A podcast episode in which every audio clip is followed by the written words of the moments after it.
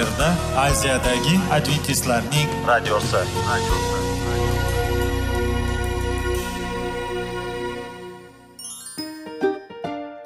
Assalomu alaykum aziz radio tinglovchilar. Sog'liq daqiqasi rubrikasiga xush kelibsiz. Zero tananing sog'lom bo'lishi va uning kasalliklardan saqlash har bir insonning burchi hisoblanadi. Inson uchun bebaho boylik bu sog'liq salomatlikdir. Uni asrash esa har birimizga omonat qilib berilgan. Shuning uchun ham inson o'z sog'lig'ini ehtiyot qilishi voajib amallardan hisoblanadi. Dono xalqimiz sog'liq tuman boylik deb bejiz aytmagan. Aql idroq sohibi bo'lgan inson o'z hayotini qadrlashi lozim bo'ladi. Hozirgi kunda qanchalik dori darmonlar ko'paymasin tibbiy muassa sifati shifokorlar vasiyasi tibbiy texnika yaxshilanmasin. Agar insonning o'z salomatligi haqida qayg'urmasa kutilgan natijaga erishib bo'lmaydi va biz sizlarga bizning dasturimizga xush kelibsiz deymiz.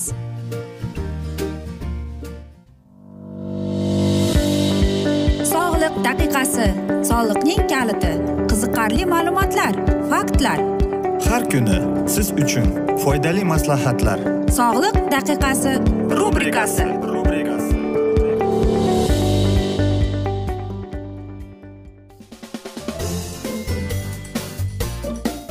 assalomu alaykum aziz radio tinglovchilar. Dasturimizga xush kelibsiz va biz sizlar bilan sog'liq formulasi degan dasturda xushvaqt bo'ling deb aytamiz. Va bugungi bizning dasturimizning mavzusi bu sulaymon tarixi deb ataladi. Kognitiv buzilishning ikkinchi ko'rinishi hissiy dalil bo'lib u quyidagicha namoyon bo'ladi. Men o'zimni omadsiz deb hisoblayman. Albatta men omadsizman men o'zimni ezilgan ojiz hisoblayman. Shuning uchun men mening muammolarimni hal qilib bo'lmaydi. Men o'zimni shunday sezamanki men olamning cho'qqisidaman. Shuning uchun men mag'lub bo'lmayman. Men sizga zahrimni sochaman. Bu esa sizning nohaq ekaningizni ko'rsatadi. Bunday hisli dalil bo'yicha ko'pincha subyektiv qarashlarga bog'liq ravishda boshi berk ko'chada yurishga odamni majbur qiladi. Muqaddas kitob tarkibiga kiruvchi voiz kitobida sulaymon shunday deb yozgan edi. Men voiz o'zimga qani rohatlanib bir mazza qilaychi dedim. Lekin bu ham behuda ekan. O'zim xohlagan hamma narsani oldim ko'nglim istaganimni qildim. Qilgan har bir ishimdan jonim rohatlandi. Bu qilgan mehnatlarim evaziga kelgan mukofot edi. Men ham boshqa odamlar singari vaqtni xursandchilik bilan o'tkazishni istayman degan edi sulaymon qiziq. Bizning jamiyatda har turli qiziq narsalar ilgarigiga qaraganda ko'proq bo'lsa ham depressiya epidemiyaga aylanib qoldi. Ayni ya'ni agar yoqimli mashg'ulotlar depressiyani bartaraf qilish yoki davolash mumkin bo'lsa ham tarixda bizning jamiyatimizda depressiyaning eng past ko'rsatkichi bo'lishi kerak edi. Ammo unday emas. Odamlar bugungi kunda mashg'ul bo'lgan ko'plab qiziq narsalar miyada qoniqish hissini paydo qilib dofamin ichki qo'shimcha E, bu kuchning kimyoviy omillaridan biri darajasini oshiradi. Ammo kelgusida u normadan ham pasayib ketadi. Buning ustiga biz o'sha qiziq narsalarga ko'proq berilsak ular dofamin tarkibini oshiradi. Shunday vaqt keladiki biz ixtiyoriy ravishda berilganimizda ham o'sha qiziq narsalar bizga deyarli qoniqish hissini olib kelmasligini sezamiz. Ora sira chuqur bartaraf qilib bo'lmaydigan qayg'u hissini boshimizdan kechiramiz. Aynan ana shu holatlar sulaymonning kuydagi so'zlarida o'z aksini topgan. Shuning uchun ham men hayotdan nafratlandim. Chunki bu dunyoda qilingan har bir ish menga qayg'u keltirdi. Hammasi behuda shamolning orqasidan quvishdaydir shunda bu dunyoda qilgan barcha mehnatim uchun yuragim achib qayg'ura boshladi. U nihoyatda puldor edi. Eng chiroyli uylar bog'lar eng chiroyli ayollar uniki edi.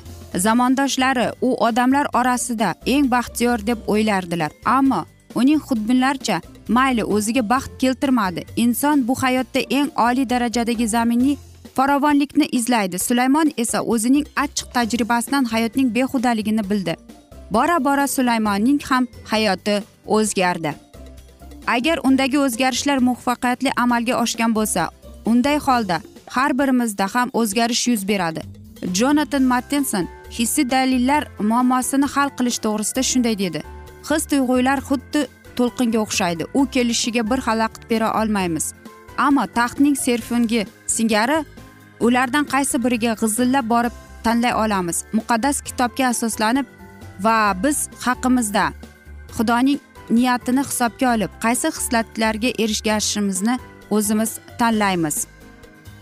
Yana bir e, kichkina hikoyacha bu ilyos tarixi. Ilyos yolg'iz o'zi yo'lda cho'lda bir kun yo'l yurdi. Nihoyatda bir ulug'un daraxti ostiga kelib o'tirdi.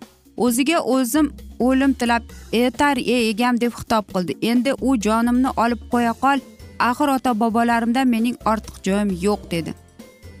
Ilyosning muammosi shunday ediki u umumlashtirilgan moyil edi. Balaga topinmaydigan bitta men qoldim deb xudoga so'zlarni birinchi marta aytganda xudo unga qattiq e'tibor qaratmadi. Ammo keyinroq payg'ambar bu gaplarni yana takrorladi. Ilyos ruhiy tushkunlikni bartaraf qilish uchun xudo uning oldiga aniq vazifalarni qo'ydi. Xudo talab qilgan narsalarni ilyos bajardi. Ilyos nafaqat tikiladi balki o'limni tatib ko'rmasdan osmonga olinish huquqiga ega bo'ldi. Agar siz yomon fikrlarni o'ylayversangiz sizning his tuyg'ularingiz ham yomonlashadi. Fikrlar va his tuyg'ular insonning fe'l atrofini tashkil qiladi. Ammo biz fikrlashimiz tarzini va tasavvurlarimizni o'zgartira olamiz va buning natijasida boshqa odam bo'lib qolamiz. Muqaddas kitobda shunday deydi. Fikringizni yangilash orqali tubdan o'zgartiringlar deydi. Albatta biz o'zgartirishimiz mumkin lekin hamma narsa bizning qo'limizda. Masih kelganda ikkinchi masih marta kelganda u bilan shon shuhrat birlashtiramiz. Bizni xafa qiladigan va, va bezovtalantiradigan hamma narsadan umid ustun keladi. Bizni uyga olib ketish uchun iso yana keladi bir kun kelib. Ham g'am qayg'u xastalik depressiya barham topadi zulm va adolatsizlik o'tmishga abadiy ketadi. Masih orqali va masih sababli biz hayotiy mazmunga ega bo'lgan umidga to'la shodiyona va fikrlarga bugun va to abad ega bo'lamiz. Qanday chiroyli va aytilgan bizga umid bag'ishlovchi so'zlar aziz do'stlar to'g'rimi? Va men o'ylaymanki hamma qo'shiladi mana shu so'zlarga deb. Chunki faqatgina xudo bizga e, bizning ko'nglimizga oro berishi mumkin. Shuning uchun sizga maslahatim boshingizdan xayolingizdan e, yomon fikrlarni chiqarib tashlang deb. Biz esa mana shunday asnoda aziz do'stlar bugungi dasturimizni yakunlab qolamiz. Afsuski vaqt birozgina chetlatilgan lekin keyingi dasturlarda albatta mavzuni yana o'qitirib eshittiramiz. Men o'ylayman hammada savollar tug'ilgan. Agar shunday bo'lsa biz sizlarni salomat klub internet saytimizga taklif qilib qolamiz yoki whatsapp raqamimizga yozsangiz bo'ladi. Plyus bir uch yuz bir yetti yuz oltmish oltmish yetmish. Yana bir bor qaytarib o'taman. Plyus bir uch yuz bir yetti yuz oltmish oltmish yetmish aziz do'stlar. Umid qilaman bizni tark etmaysiz deb chunki oldinda bundanda qiziq bundanda foydali dasturlar kutib kelmoqda sizni. Biz sizlar bilan xayrlashar ekanmiz. Sizga va oilangizga tinchlik totuvlik tilab o'zingizni va yaqinlaringizni ehtiyot qiling deb xayrlashib qolamiz. Omon qoling deymiz.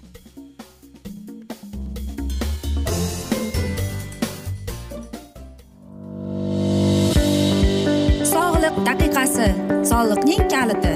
Qiziqarli ma'lumotlar faktlar. Har kuni siz uchun foydali maslahatlar.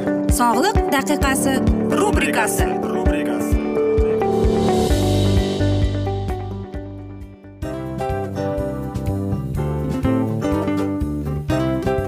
mana ha hayotda hamma narsaning yaxshi narsalar tugaydi va yakunlaydi degandek bizning dasturimizga ham yakun keldi. O'ylaymanki bizning dasturimiz sizga foydali bo'ldi deb aziz radio tinglovchimiz. Va siz o'zingiz uchun kerakli xulosalar kerakli maslahatlar olib oldingiz. Aziz radio tinglovchimiz biz bilan qoling va keyingi dasturlarimiz albatta undanda qiziqroq bo'ladi. Mana shu alfozda sizlar bilan xayrlashib qolaman.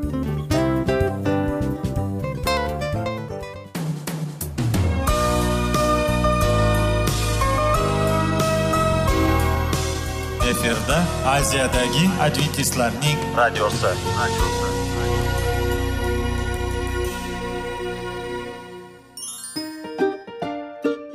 Assalomu alaykum aziz radio tinglovchilarimiz. Dil izhori dasturimizga xush kelibsiz. Pul insonni baxtli qiladimi? Albatta yo'q. Sog'liqchi.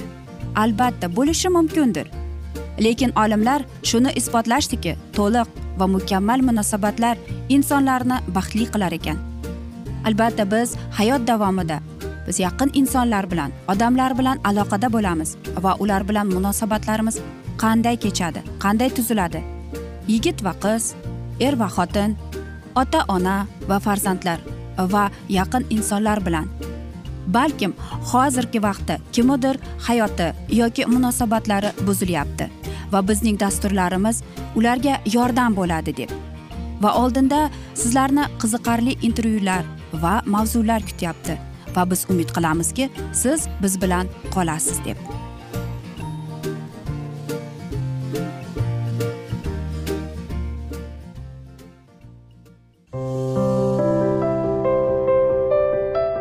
Har kuni har xil kasbdagi odamlar bilan sirlashish va bo'lishish sevgi rashq munosabat. Bularni hammasi dil izhori rubrikasida.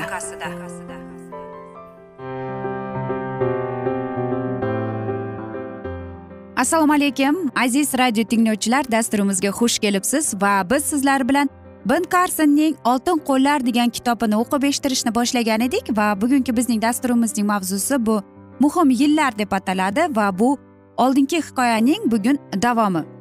Yana bir vaziyat deyapti. Menigina ahamiyat muhim yil bo'ldi. Ikkinchi sentyabr bir ming to'qqiz yuz sakson uchinchi yili kandi menga birinchi farzandni hadya qildi deydi. Men uning ismini murrey nedland karson deb qo'ydim. Nedland e, bu e, biz yashagan shaharchaning nomi. Va qarangki bir yil osmondek xuddi bir chapalakdek uchib ketdi deydi va men uyga qaytishga qaror qildim nima bo'ladi keyin? Qanday bo'ladi?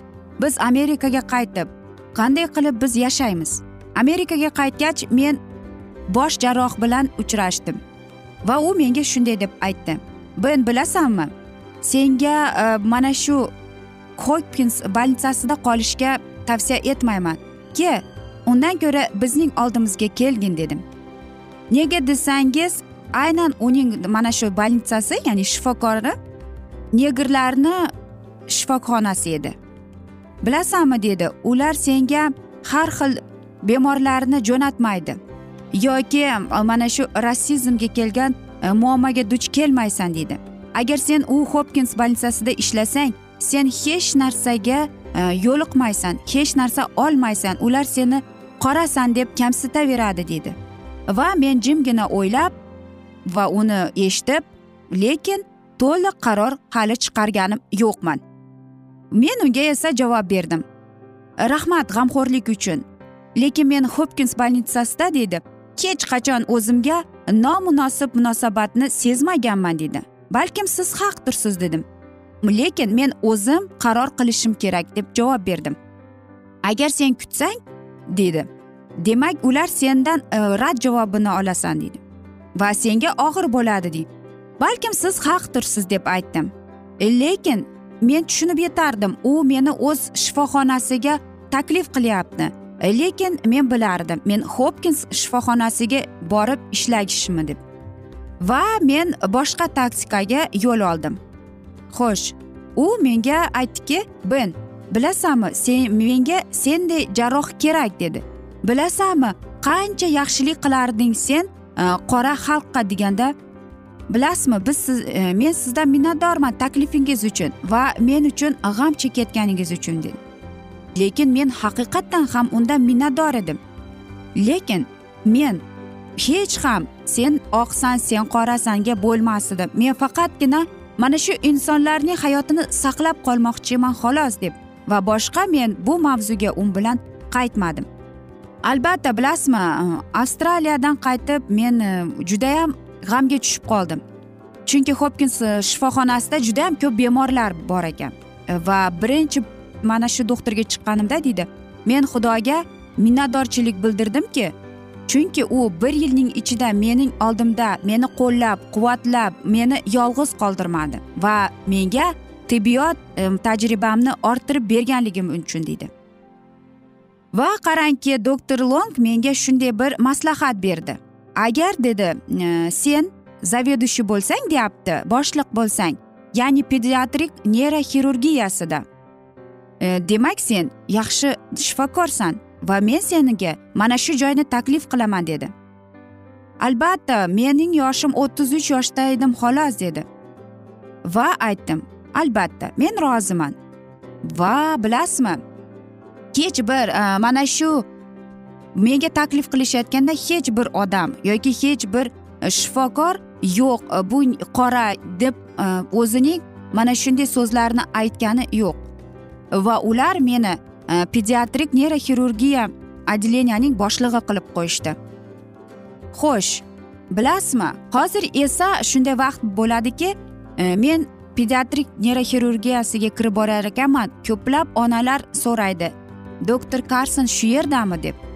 Va bilasizmi men doktor karsonman deyman. Va bu menga lazzat beradi va men o'zimdan mamnunman chunki men ko'plab tajriba orttirib qanday nima bo'lishi haqida bilaman. Va har safar bolalarni ko'rganimda negadir g'amga tushib qolaman. Chunki shu bolalarni ko'rib ulardagi ko'zidagi umidni ko'rib men albatta qo'limdan kelganini mana shu bolalarga hayot bag'ishlayman deb. Albatta men har bir bolaning onasiga mana shu narga rozi bo'laman. Bilasizmi e, ko'plab onalar bir xil tibbiy ko'rikka kelganda ular menga savol beradi. Doktor karson aytingchi siz mana shunday jarrohlik operatsiyani o'tkazganmisiz? Biror marta bo'lsa ham deb. Va albatta men doimo to'g'ri javob beraman. Yo'q albatta bu mening Э, birinchi operatsiyamdir deb. Ha aziz do'stlar lekin men ona haqiqatdan jiddiy qilib e, meni mening yuzimga qarab ular meni gaplarimni jiddiy qabul qilishganini ko'rib men tabassum qilib aytaman.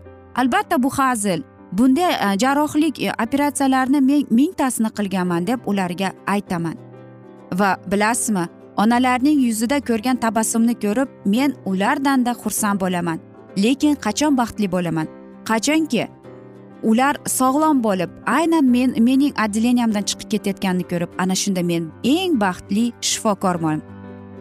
Aziz do'stlar mana shunday asnoda esa afsuski bugungi dasturimizni yakunlab qolamiz chunki vaqt birozgina chetlatilgan.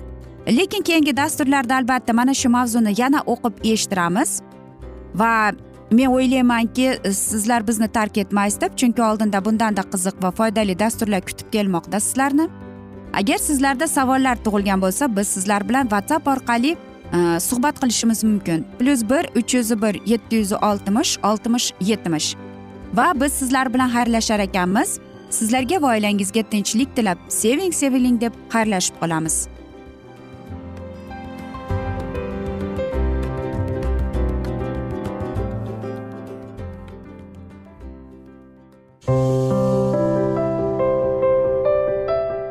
Har kuni har xil kasbdagi odamlar bilan sirlashish va bo'lishish sevgi rashq munosabat bularni hammasi dil izhori rubrikasida. Mana aziz radio tinglovchimiz bizning go'zal va foydali va chiroyli dasturimiz yakunlanib bormoqda. Sizlarga birozgina maslahat berib o'tmoqchi edik. Bir biringizni seving. Qadringizga yeting. Va erkalang albatta bir biringizni va sizga judayam chiroyli va mustahkam munosabatlar tilab qolamiz albatta. Sevgilingiz doimo yoningizda bo'lsin. Mana shu borada sizlar bilan xayrlashib qolamiz. Xayr.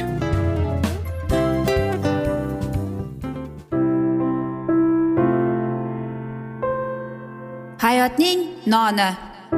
Qiziqtirgan savollar va javoblar. Buning hammasi ko'ngil uchun oziqa rubrikasida.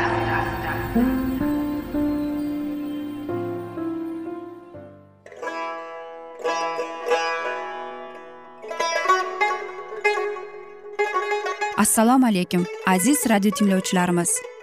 Ko'ngil uchun oziqa rubrikasida xush kelibsiz deymiz. Siz haqiqatni izlayapsizmi? Olamnimi? Umidnimi? Siz kimga murojaat qilmoqchisiz? Odamlar ko'pincha siyosat kuchiga tayanadilar. Dunyo iqtisodiyoti holati tobora chuqurlashib bormoqda. Tabiiy ofatlar va texnogen halokatlar minglab insonlarning hayotini olib ketib juda katta zarar yetkazmoqda. Sizga abadiy hayot inomini hadya qiluvchi va hayotingizni tubdan o'zgartiruvchi haqiqatni izlab toping. Xudo haqidagi haqiqat uning kalomida mujassamlashgan. Kimki bu haqiqatni butun qalbi bilan izlasa albatta unga yetishadi. Bu sevgi xudoning tarixidir. Hayotingizda yoki sizning yon atrofingizdagi olamda nimalar yuz berishidan qat'iy nazar? Siz ertagi kunga buyuk umid va ishonch hosil qilishingiz mumkin. Hozirda xudo sizga taklif qilayotgan umid ishonchga o'z qalbingizni oching va sizni qiziqtirayotgan mavzularni savollaringizga javoblaringizni topib olasiz deb umid qilamiz. Biz bilan qoling.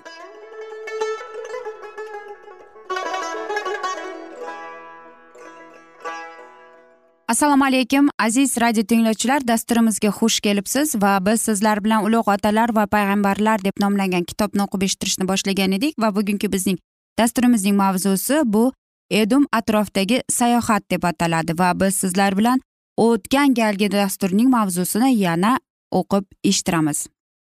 Agar isroil xudoning fikri bo'yicha edumdan o'tganida bu vaziyat ulargina baraka keltirib qo'ymay balki edum xalqi uchun foydali va inoyatli bo'lardi. Chunki ularda ilohiy xalq bilan uning xizmati bilan tanishish imkoniyati tug'ilardi yoqub xudosi uni sevganlarni va undan qo'rqqanlarni qanday barakaga sazovor qilganini ular ko'rardilar. Ammo isroilning inonmasligi shunga xalaqit berdi. Xalqning talabiga munosib xudo isroilliklarga suv berdi ammo o'z imonsizligi uchun jazo olishlariga yo'l qo'ydi. Ana ular sahroga qaytadigan bo'ldilar. Agarda ular xudoga ishonganlarida ichadigan suv qidirib sahro bo'ylab yurmas edilar. Shunday qilib isroilliklar yana janubga burildilar va samarasiz sahroga bo'ylab yo'l oldilar. Edumning ko'm ko'k dalalaridan keyin sahro yanada zulmatli ko'rinardi. Zulmatli sahroning tog'lari orasida xo'r tog'i ko'tarilgandi. Uning tepasi xorining vafot etib dafn etishning joyi belgilishi tayinlangan edi. Isroilliklar ushbu toqqa e, yetib kelganlarida muso buyruq berdi. Xorin va uning o'g'li ilazarni olib xo'r tog'iga chiqqin.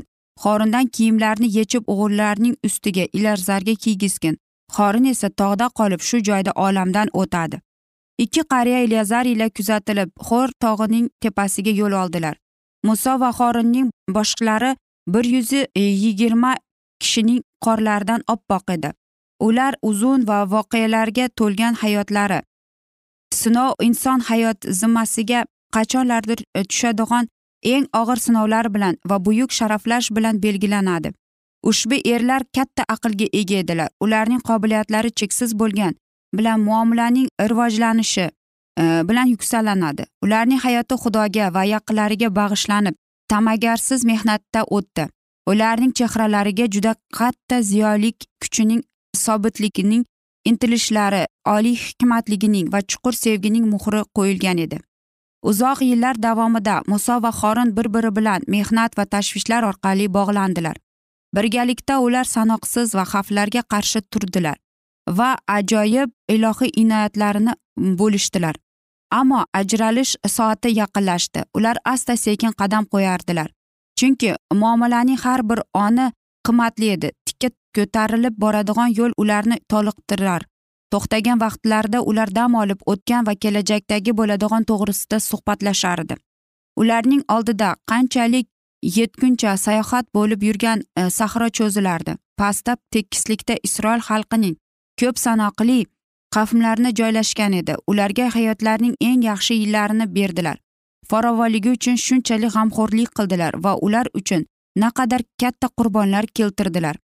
Uzoqda edum tog'lari orqasida nazir atalgan yerga yo'l o'tardi. Bu yerning inoyatlari bilan na muso na xorin lazzatlana olmaydilar.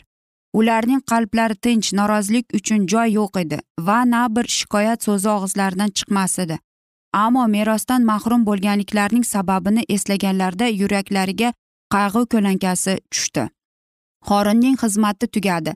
Qirq yil oldin xorin sakson uch yoshda bo'lganida xudo uni da'vat etib buyuk va muhim ishda muso bilan birlashishga buyurdi. Isroil o'g'illari misrdan ozod qilganida u musoga ham xor bo'ldi. Yahudiylar omalik bilan kurashganlarida u buyuk dohiyning qo'lidan ushlab turdi. Unga sinay tog'ida chiqish uchun xudoning huzurida bo'lib uning ulug'vorligini ko'rish uchun ijozat berilgan edi. Xudovand horun oilasiga ruhoniylar xizmatini ishontirdi va uni oliy ruhoniy lavozimiga sazovor qildi. Qurroq va uning fikrdoshlari ustidan ilohiy hukm bajo etilgan. Dahshatli paytda u xorinni muqaddas xizmatida quvvatlanadi. Xorinning mudofaa xizmatiga muvofiq mag'lubiyat to'xtatildi. Ilohiy buyruqlarni mensimagan uning ikki o'g'li nobud qilinganida u isyon ko'tarmadi hatto shikoyat ham qilmadi. Ammo uning oliy hikmatligi hayoti dog'landi. U odamlarning talabiga ko'nib sinayda oltin buqqani yasaganda og'ir gunoh qildi. Maryam musoga nisbatan rashk hasadga o'rin berganida u maryamga qo'shilib yana gunoh qildi. Shuningdek muso bilan birgalikda u qadishda xudoni tahrir qildi chunki ilohiy buyrug'iga binoan qoyadan suv chiqish uchun faqat aytish kerak edi xolos. Parvardigori olam xohlardiki uning xalqining ushbu buyuk dohiylari o'zlari bilan masihning ramzini tasvirlasilar deb. Qorin isroilning ismlarini ko'kragiga taqib yurardi. U xalqqa ilohiy irodani e'lon etardi. Isroilga homiy sifatida qo'lga kiritish kunida qonsiz emas u muqaddaslar muqaddasiga kirar edi. Keyin chiqib u butun yig'ilishni duo qilardi. Xuddi shunday insoniyatni qo'lga kiritish uchun iso masihning xizmatini samoda yakunlaganida u uni kutib qarshilagan xalqni olqishlaydi. Muqaddas xizmatining yuksaligini bizning buyuk oliy ruhoniymiz ramzi bo'lib xorunning qadishda qilgan gunohini shunchalik ahamiyatli qildi. Chuqur iztirobda muso xorin ustidan ruhoniy kiyimlarini yechdi va ilazar ustiga qo'ydi. Ilohiy buyrug'iga binoan ushbu paytda ilazar oliy ruhoniy qilib tayinlandi. Qadishda qilgan gunohi uchun xorin xudoning oliy ruhoniy sifatida qanon yeriga birinchi xizmatdan mahrum bo'ldi. Aziz do'stlar mana shunday asnoda esa biz bugungi dasturimizni yakunlab qolamiz. Afsuski vaqt birozgina chetlatilgan. Lekin keyingi dasturlarda mana shu mavzuni yana o'qib eshittiramiz. Lekin biz sizlar bilan whatsapp orqali suhbatimizni davom ettirishimiz mumkin. Plyus bir uch yuz bir yetti yuz oltmish oltmish yetmish bizning whatsapp raqamimiz. Va men umid qilamanki bizni tark etmaysiz deb chunki oldinda bundanda qiziq va foydali dasturlar kutib kelmoqda sizlarni. Biz sizlar bilan xayrlashar ekanmiz. Sizlarga va oilangizga tinchlik totuvlik tilab o'zingizni va yaqinlaringizni ehtiyot qiling deymiz.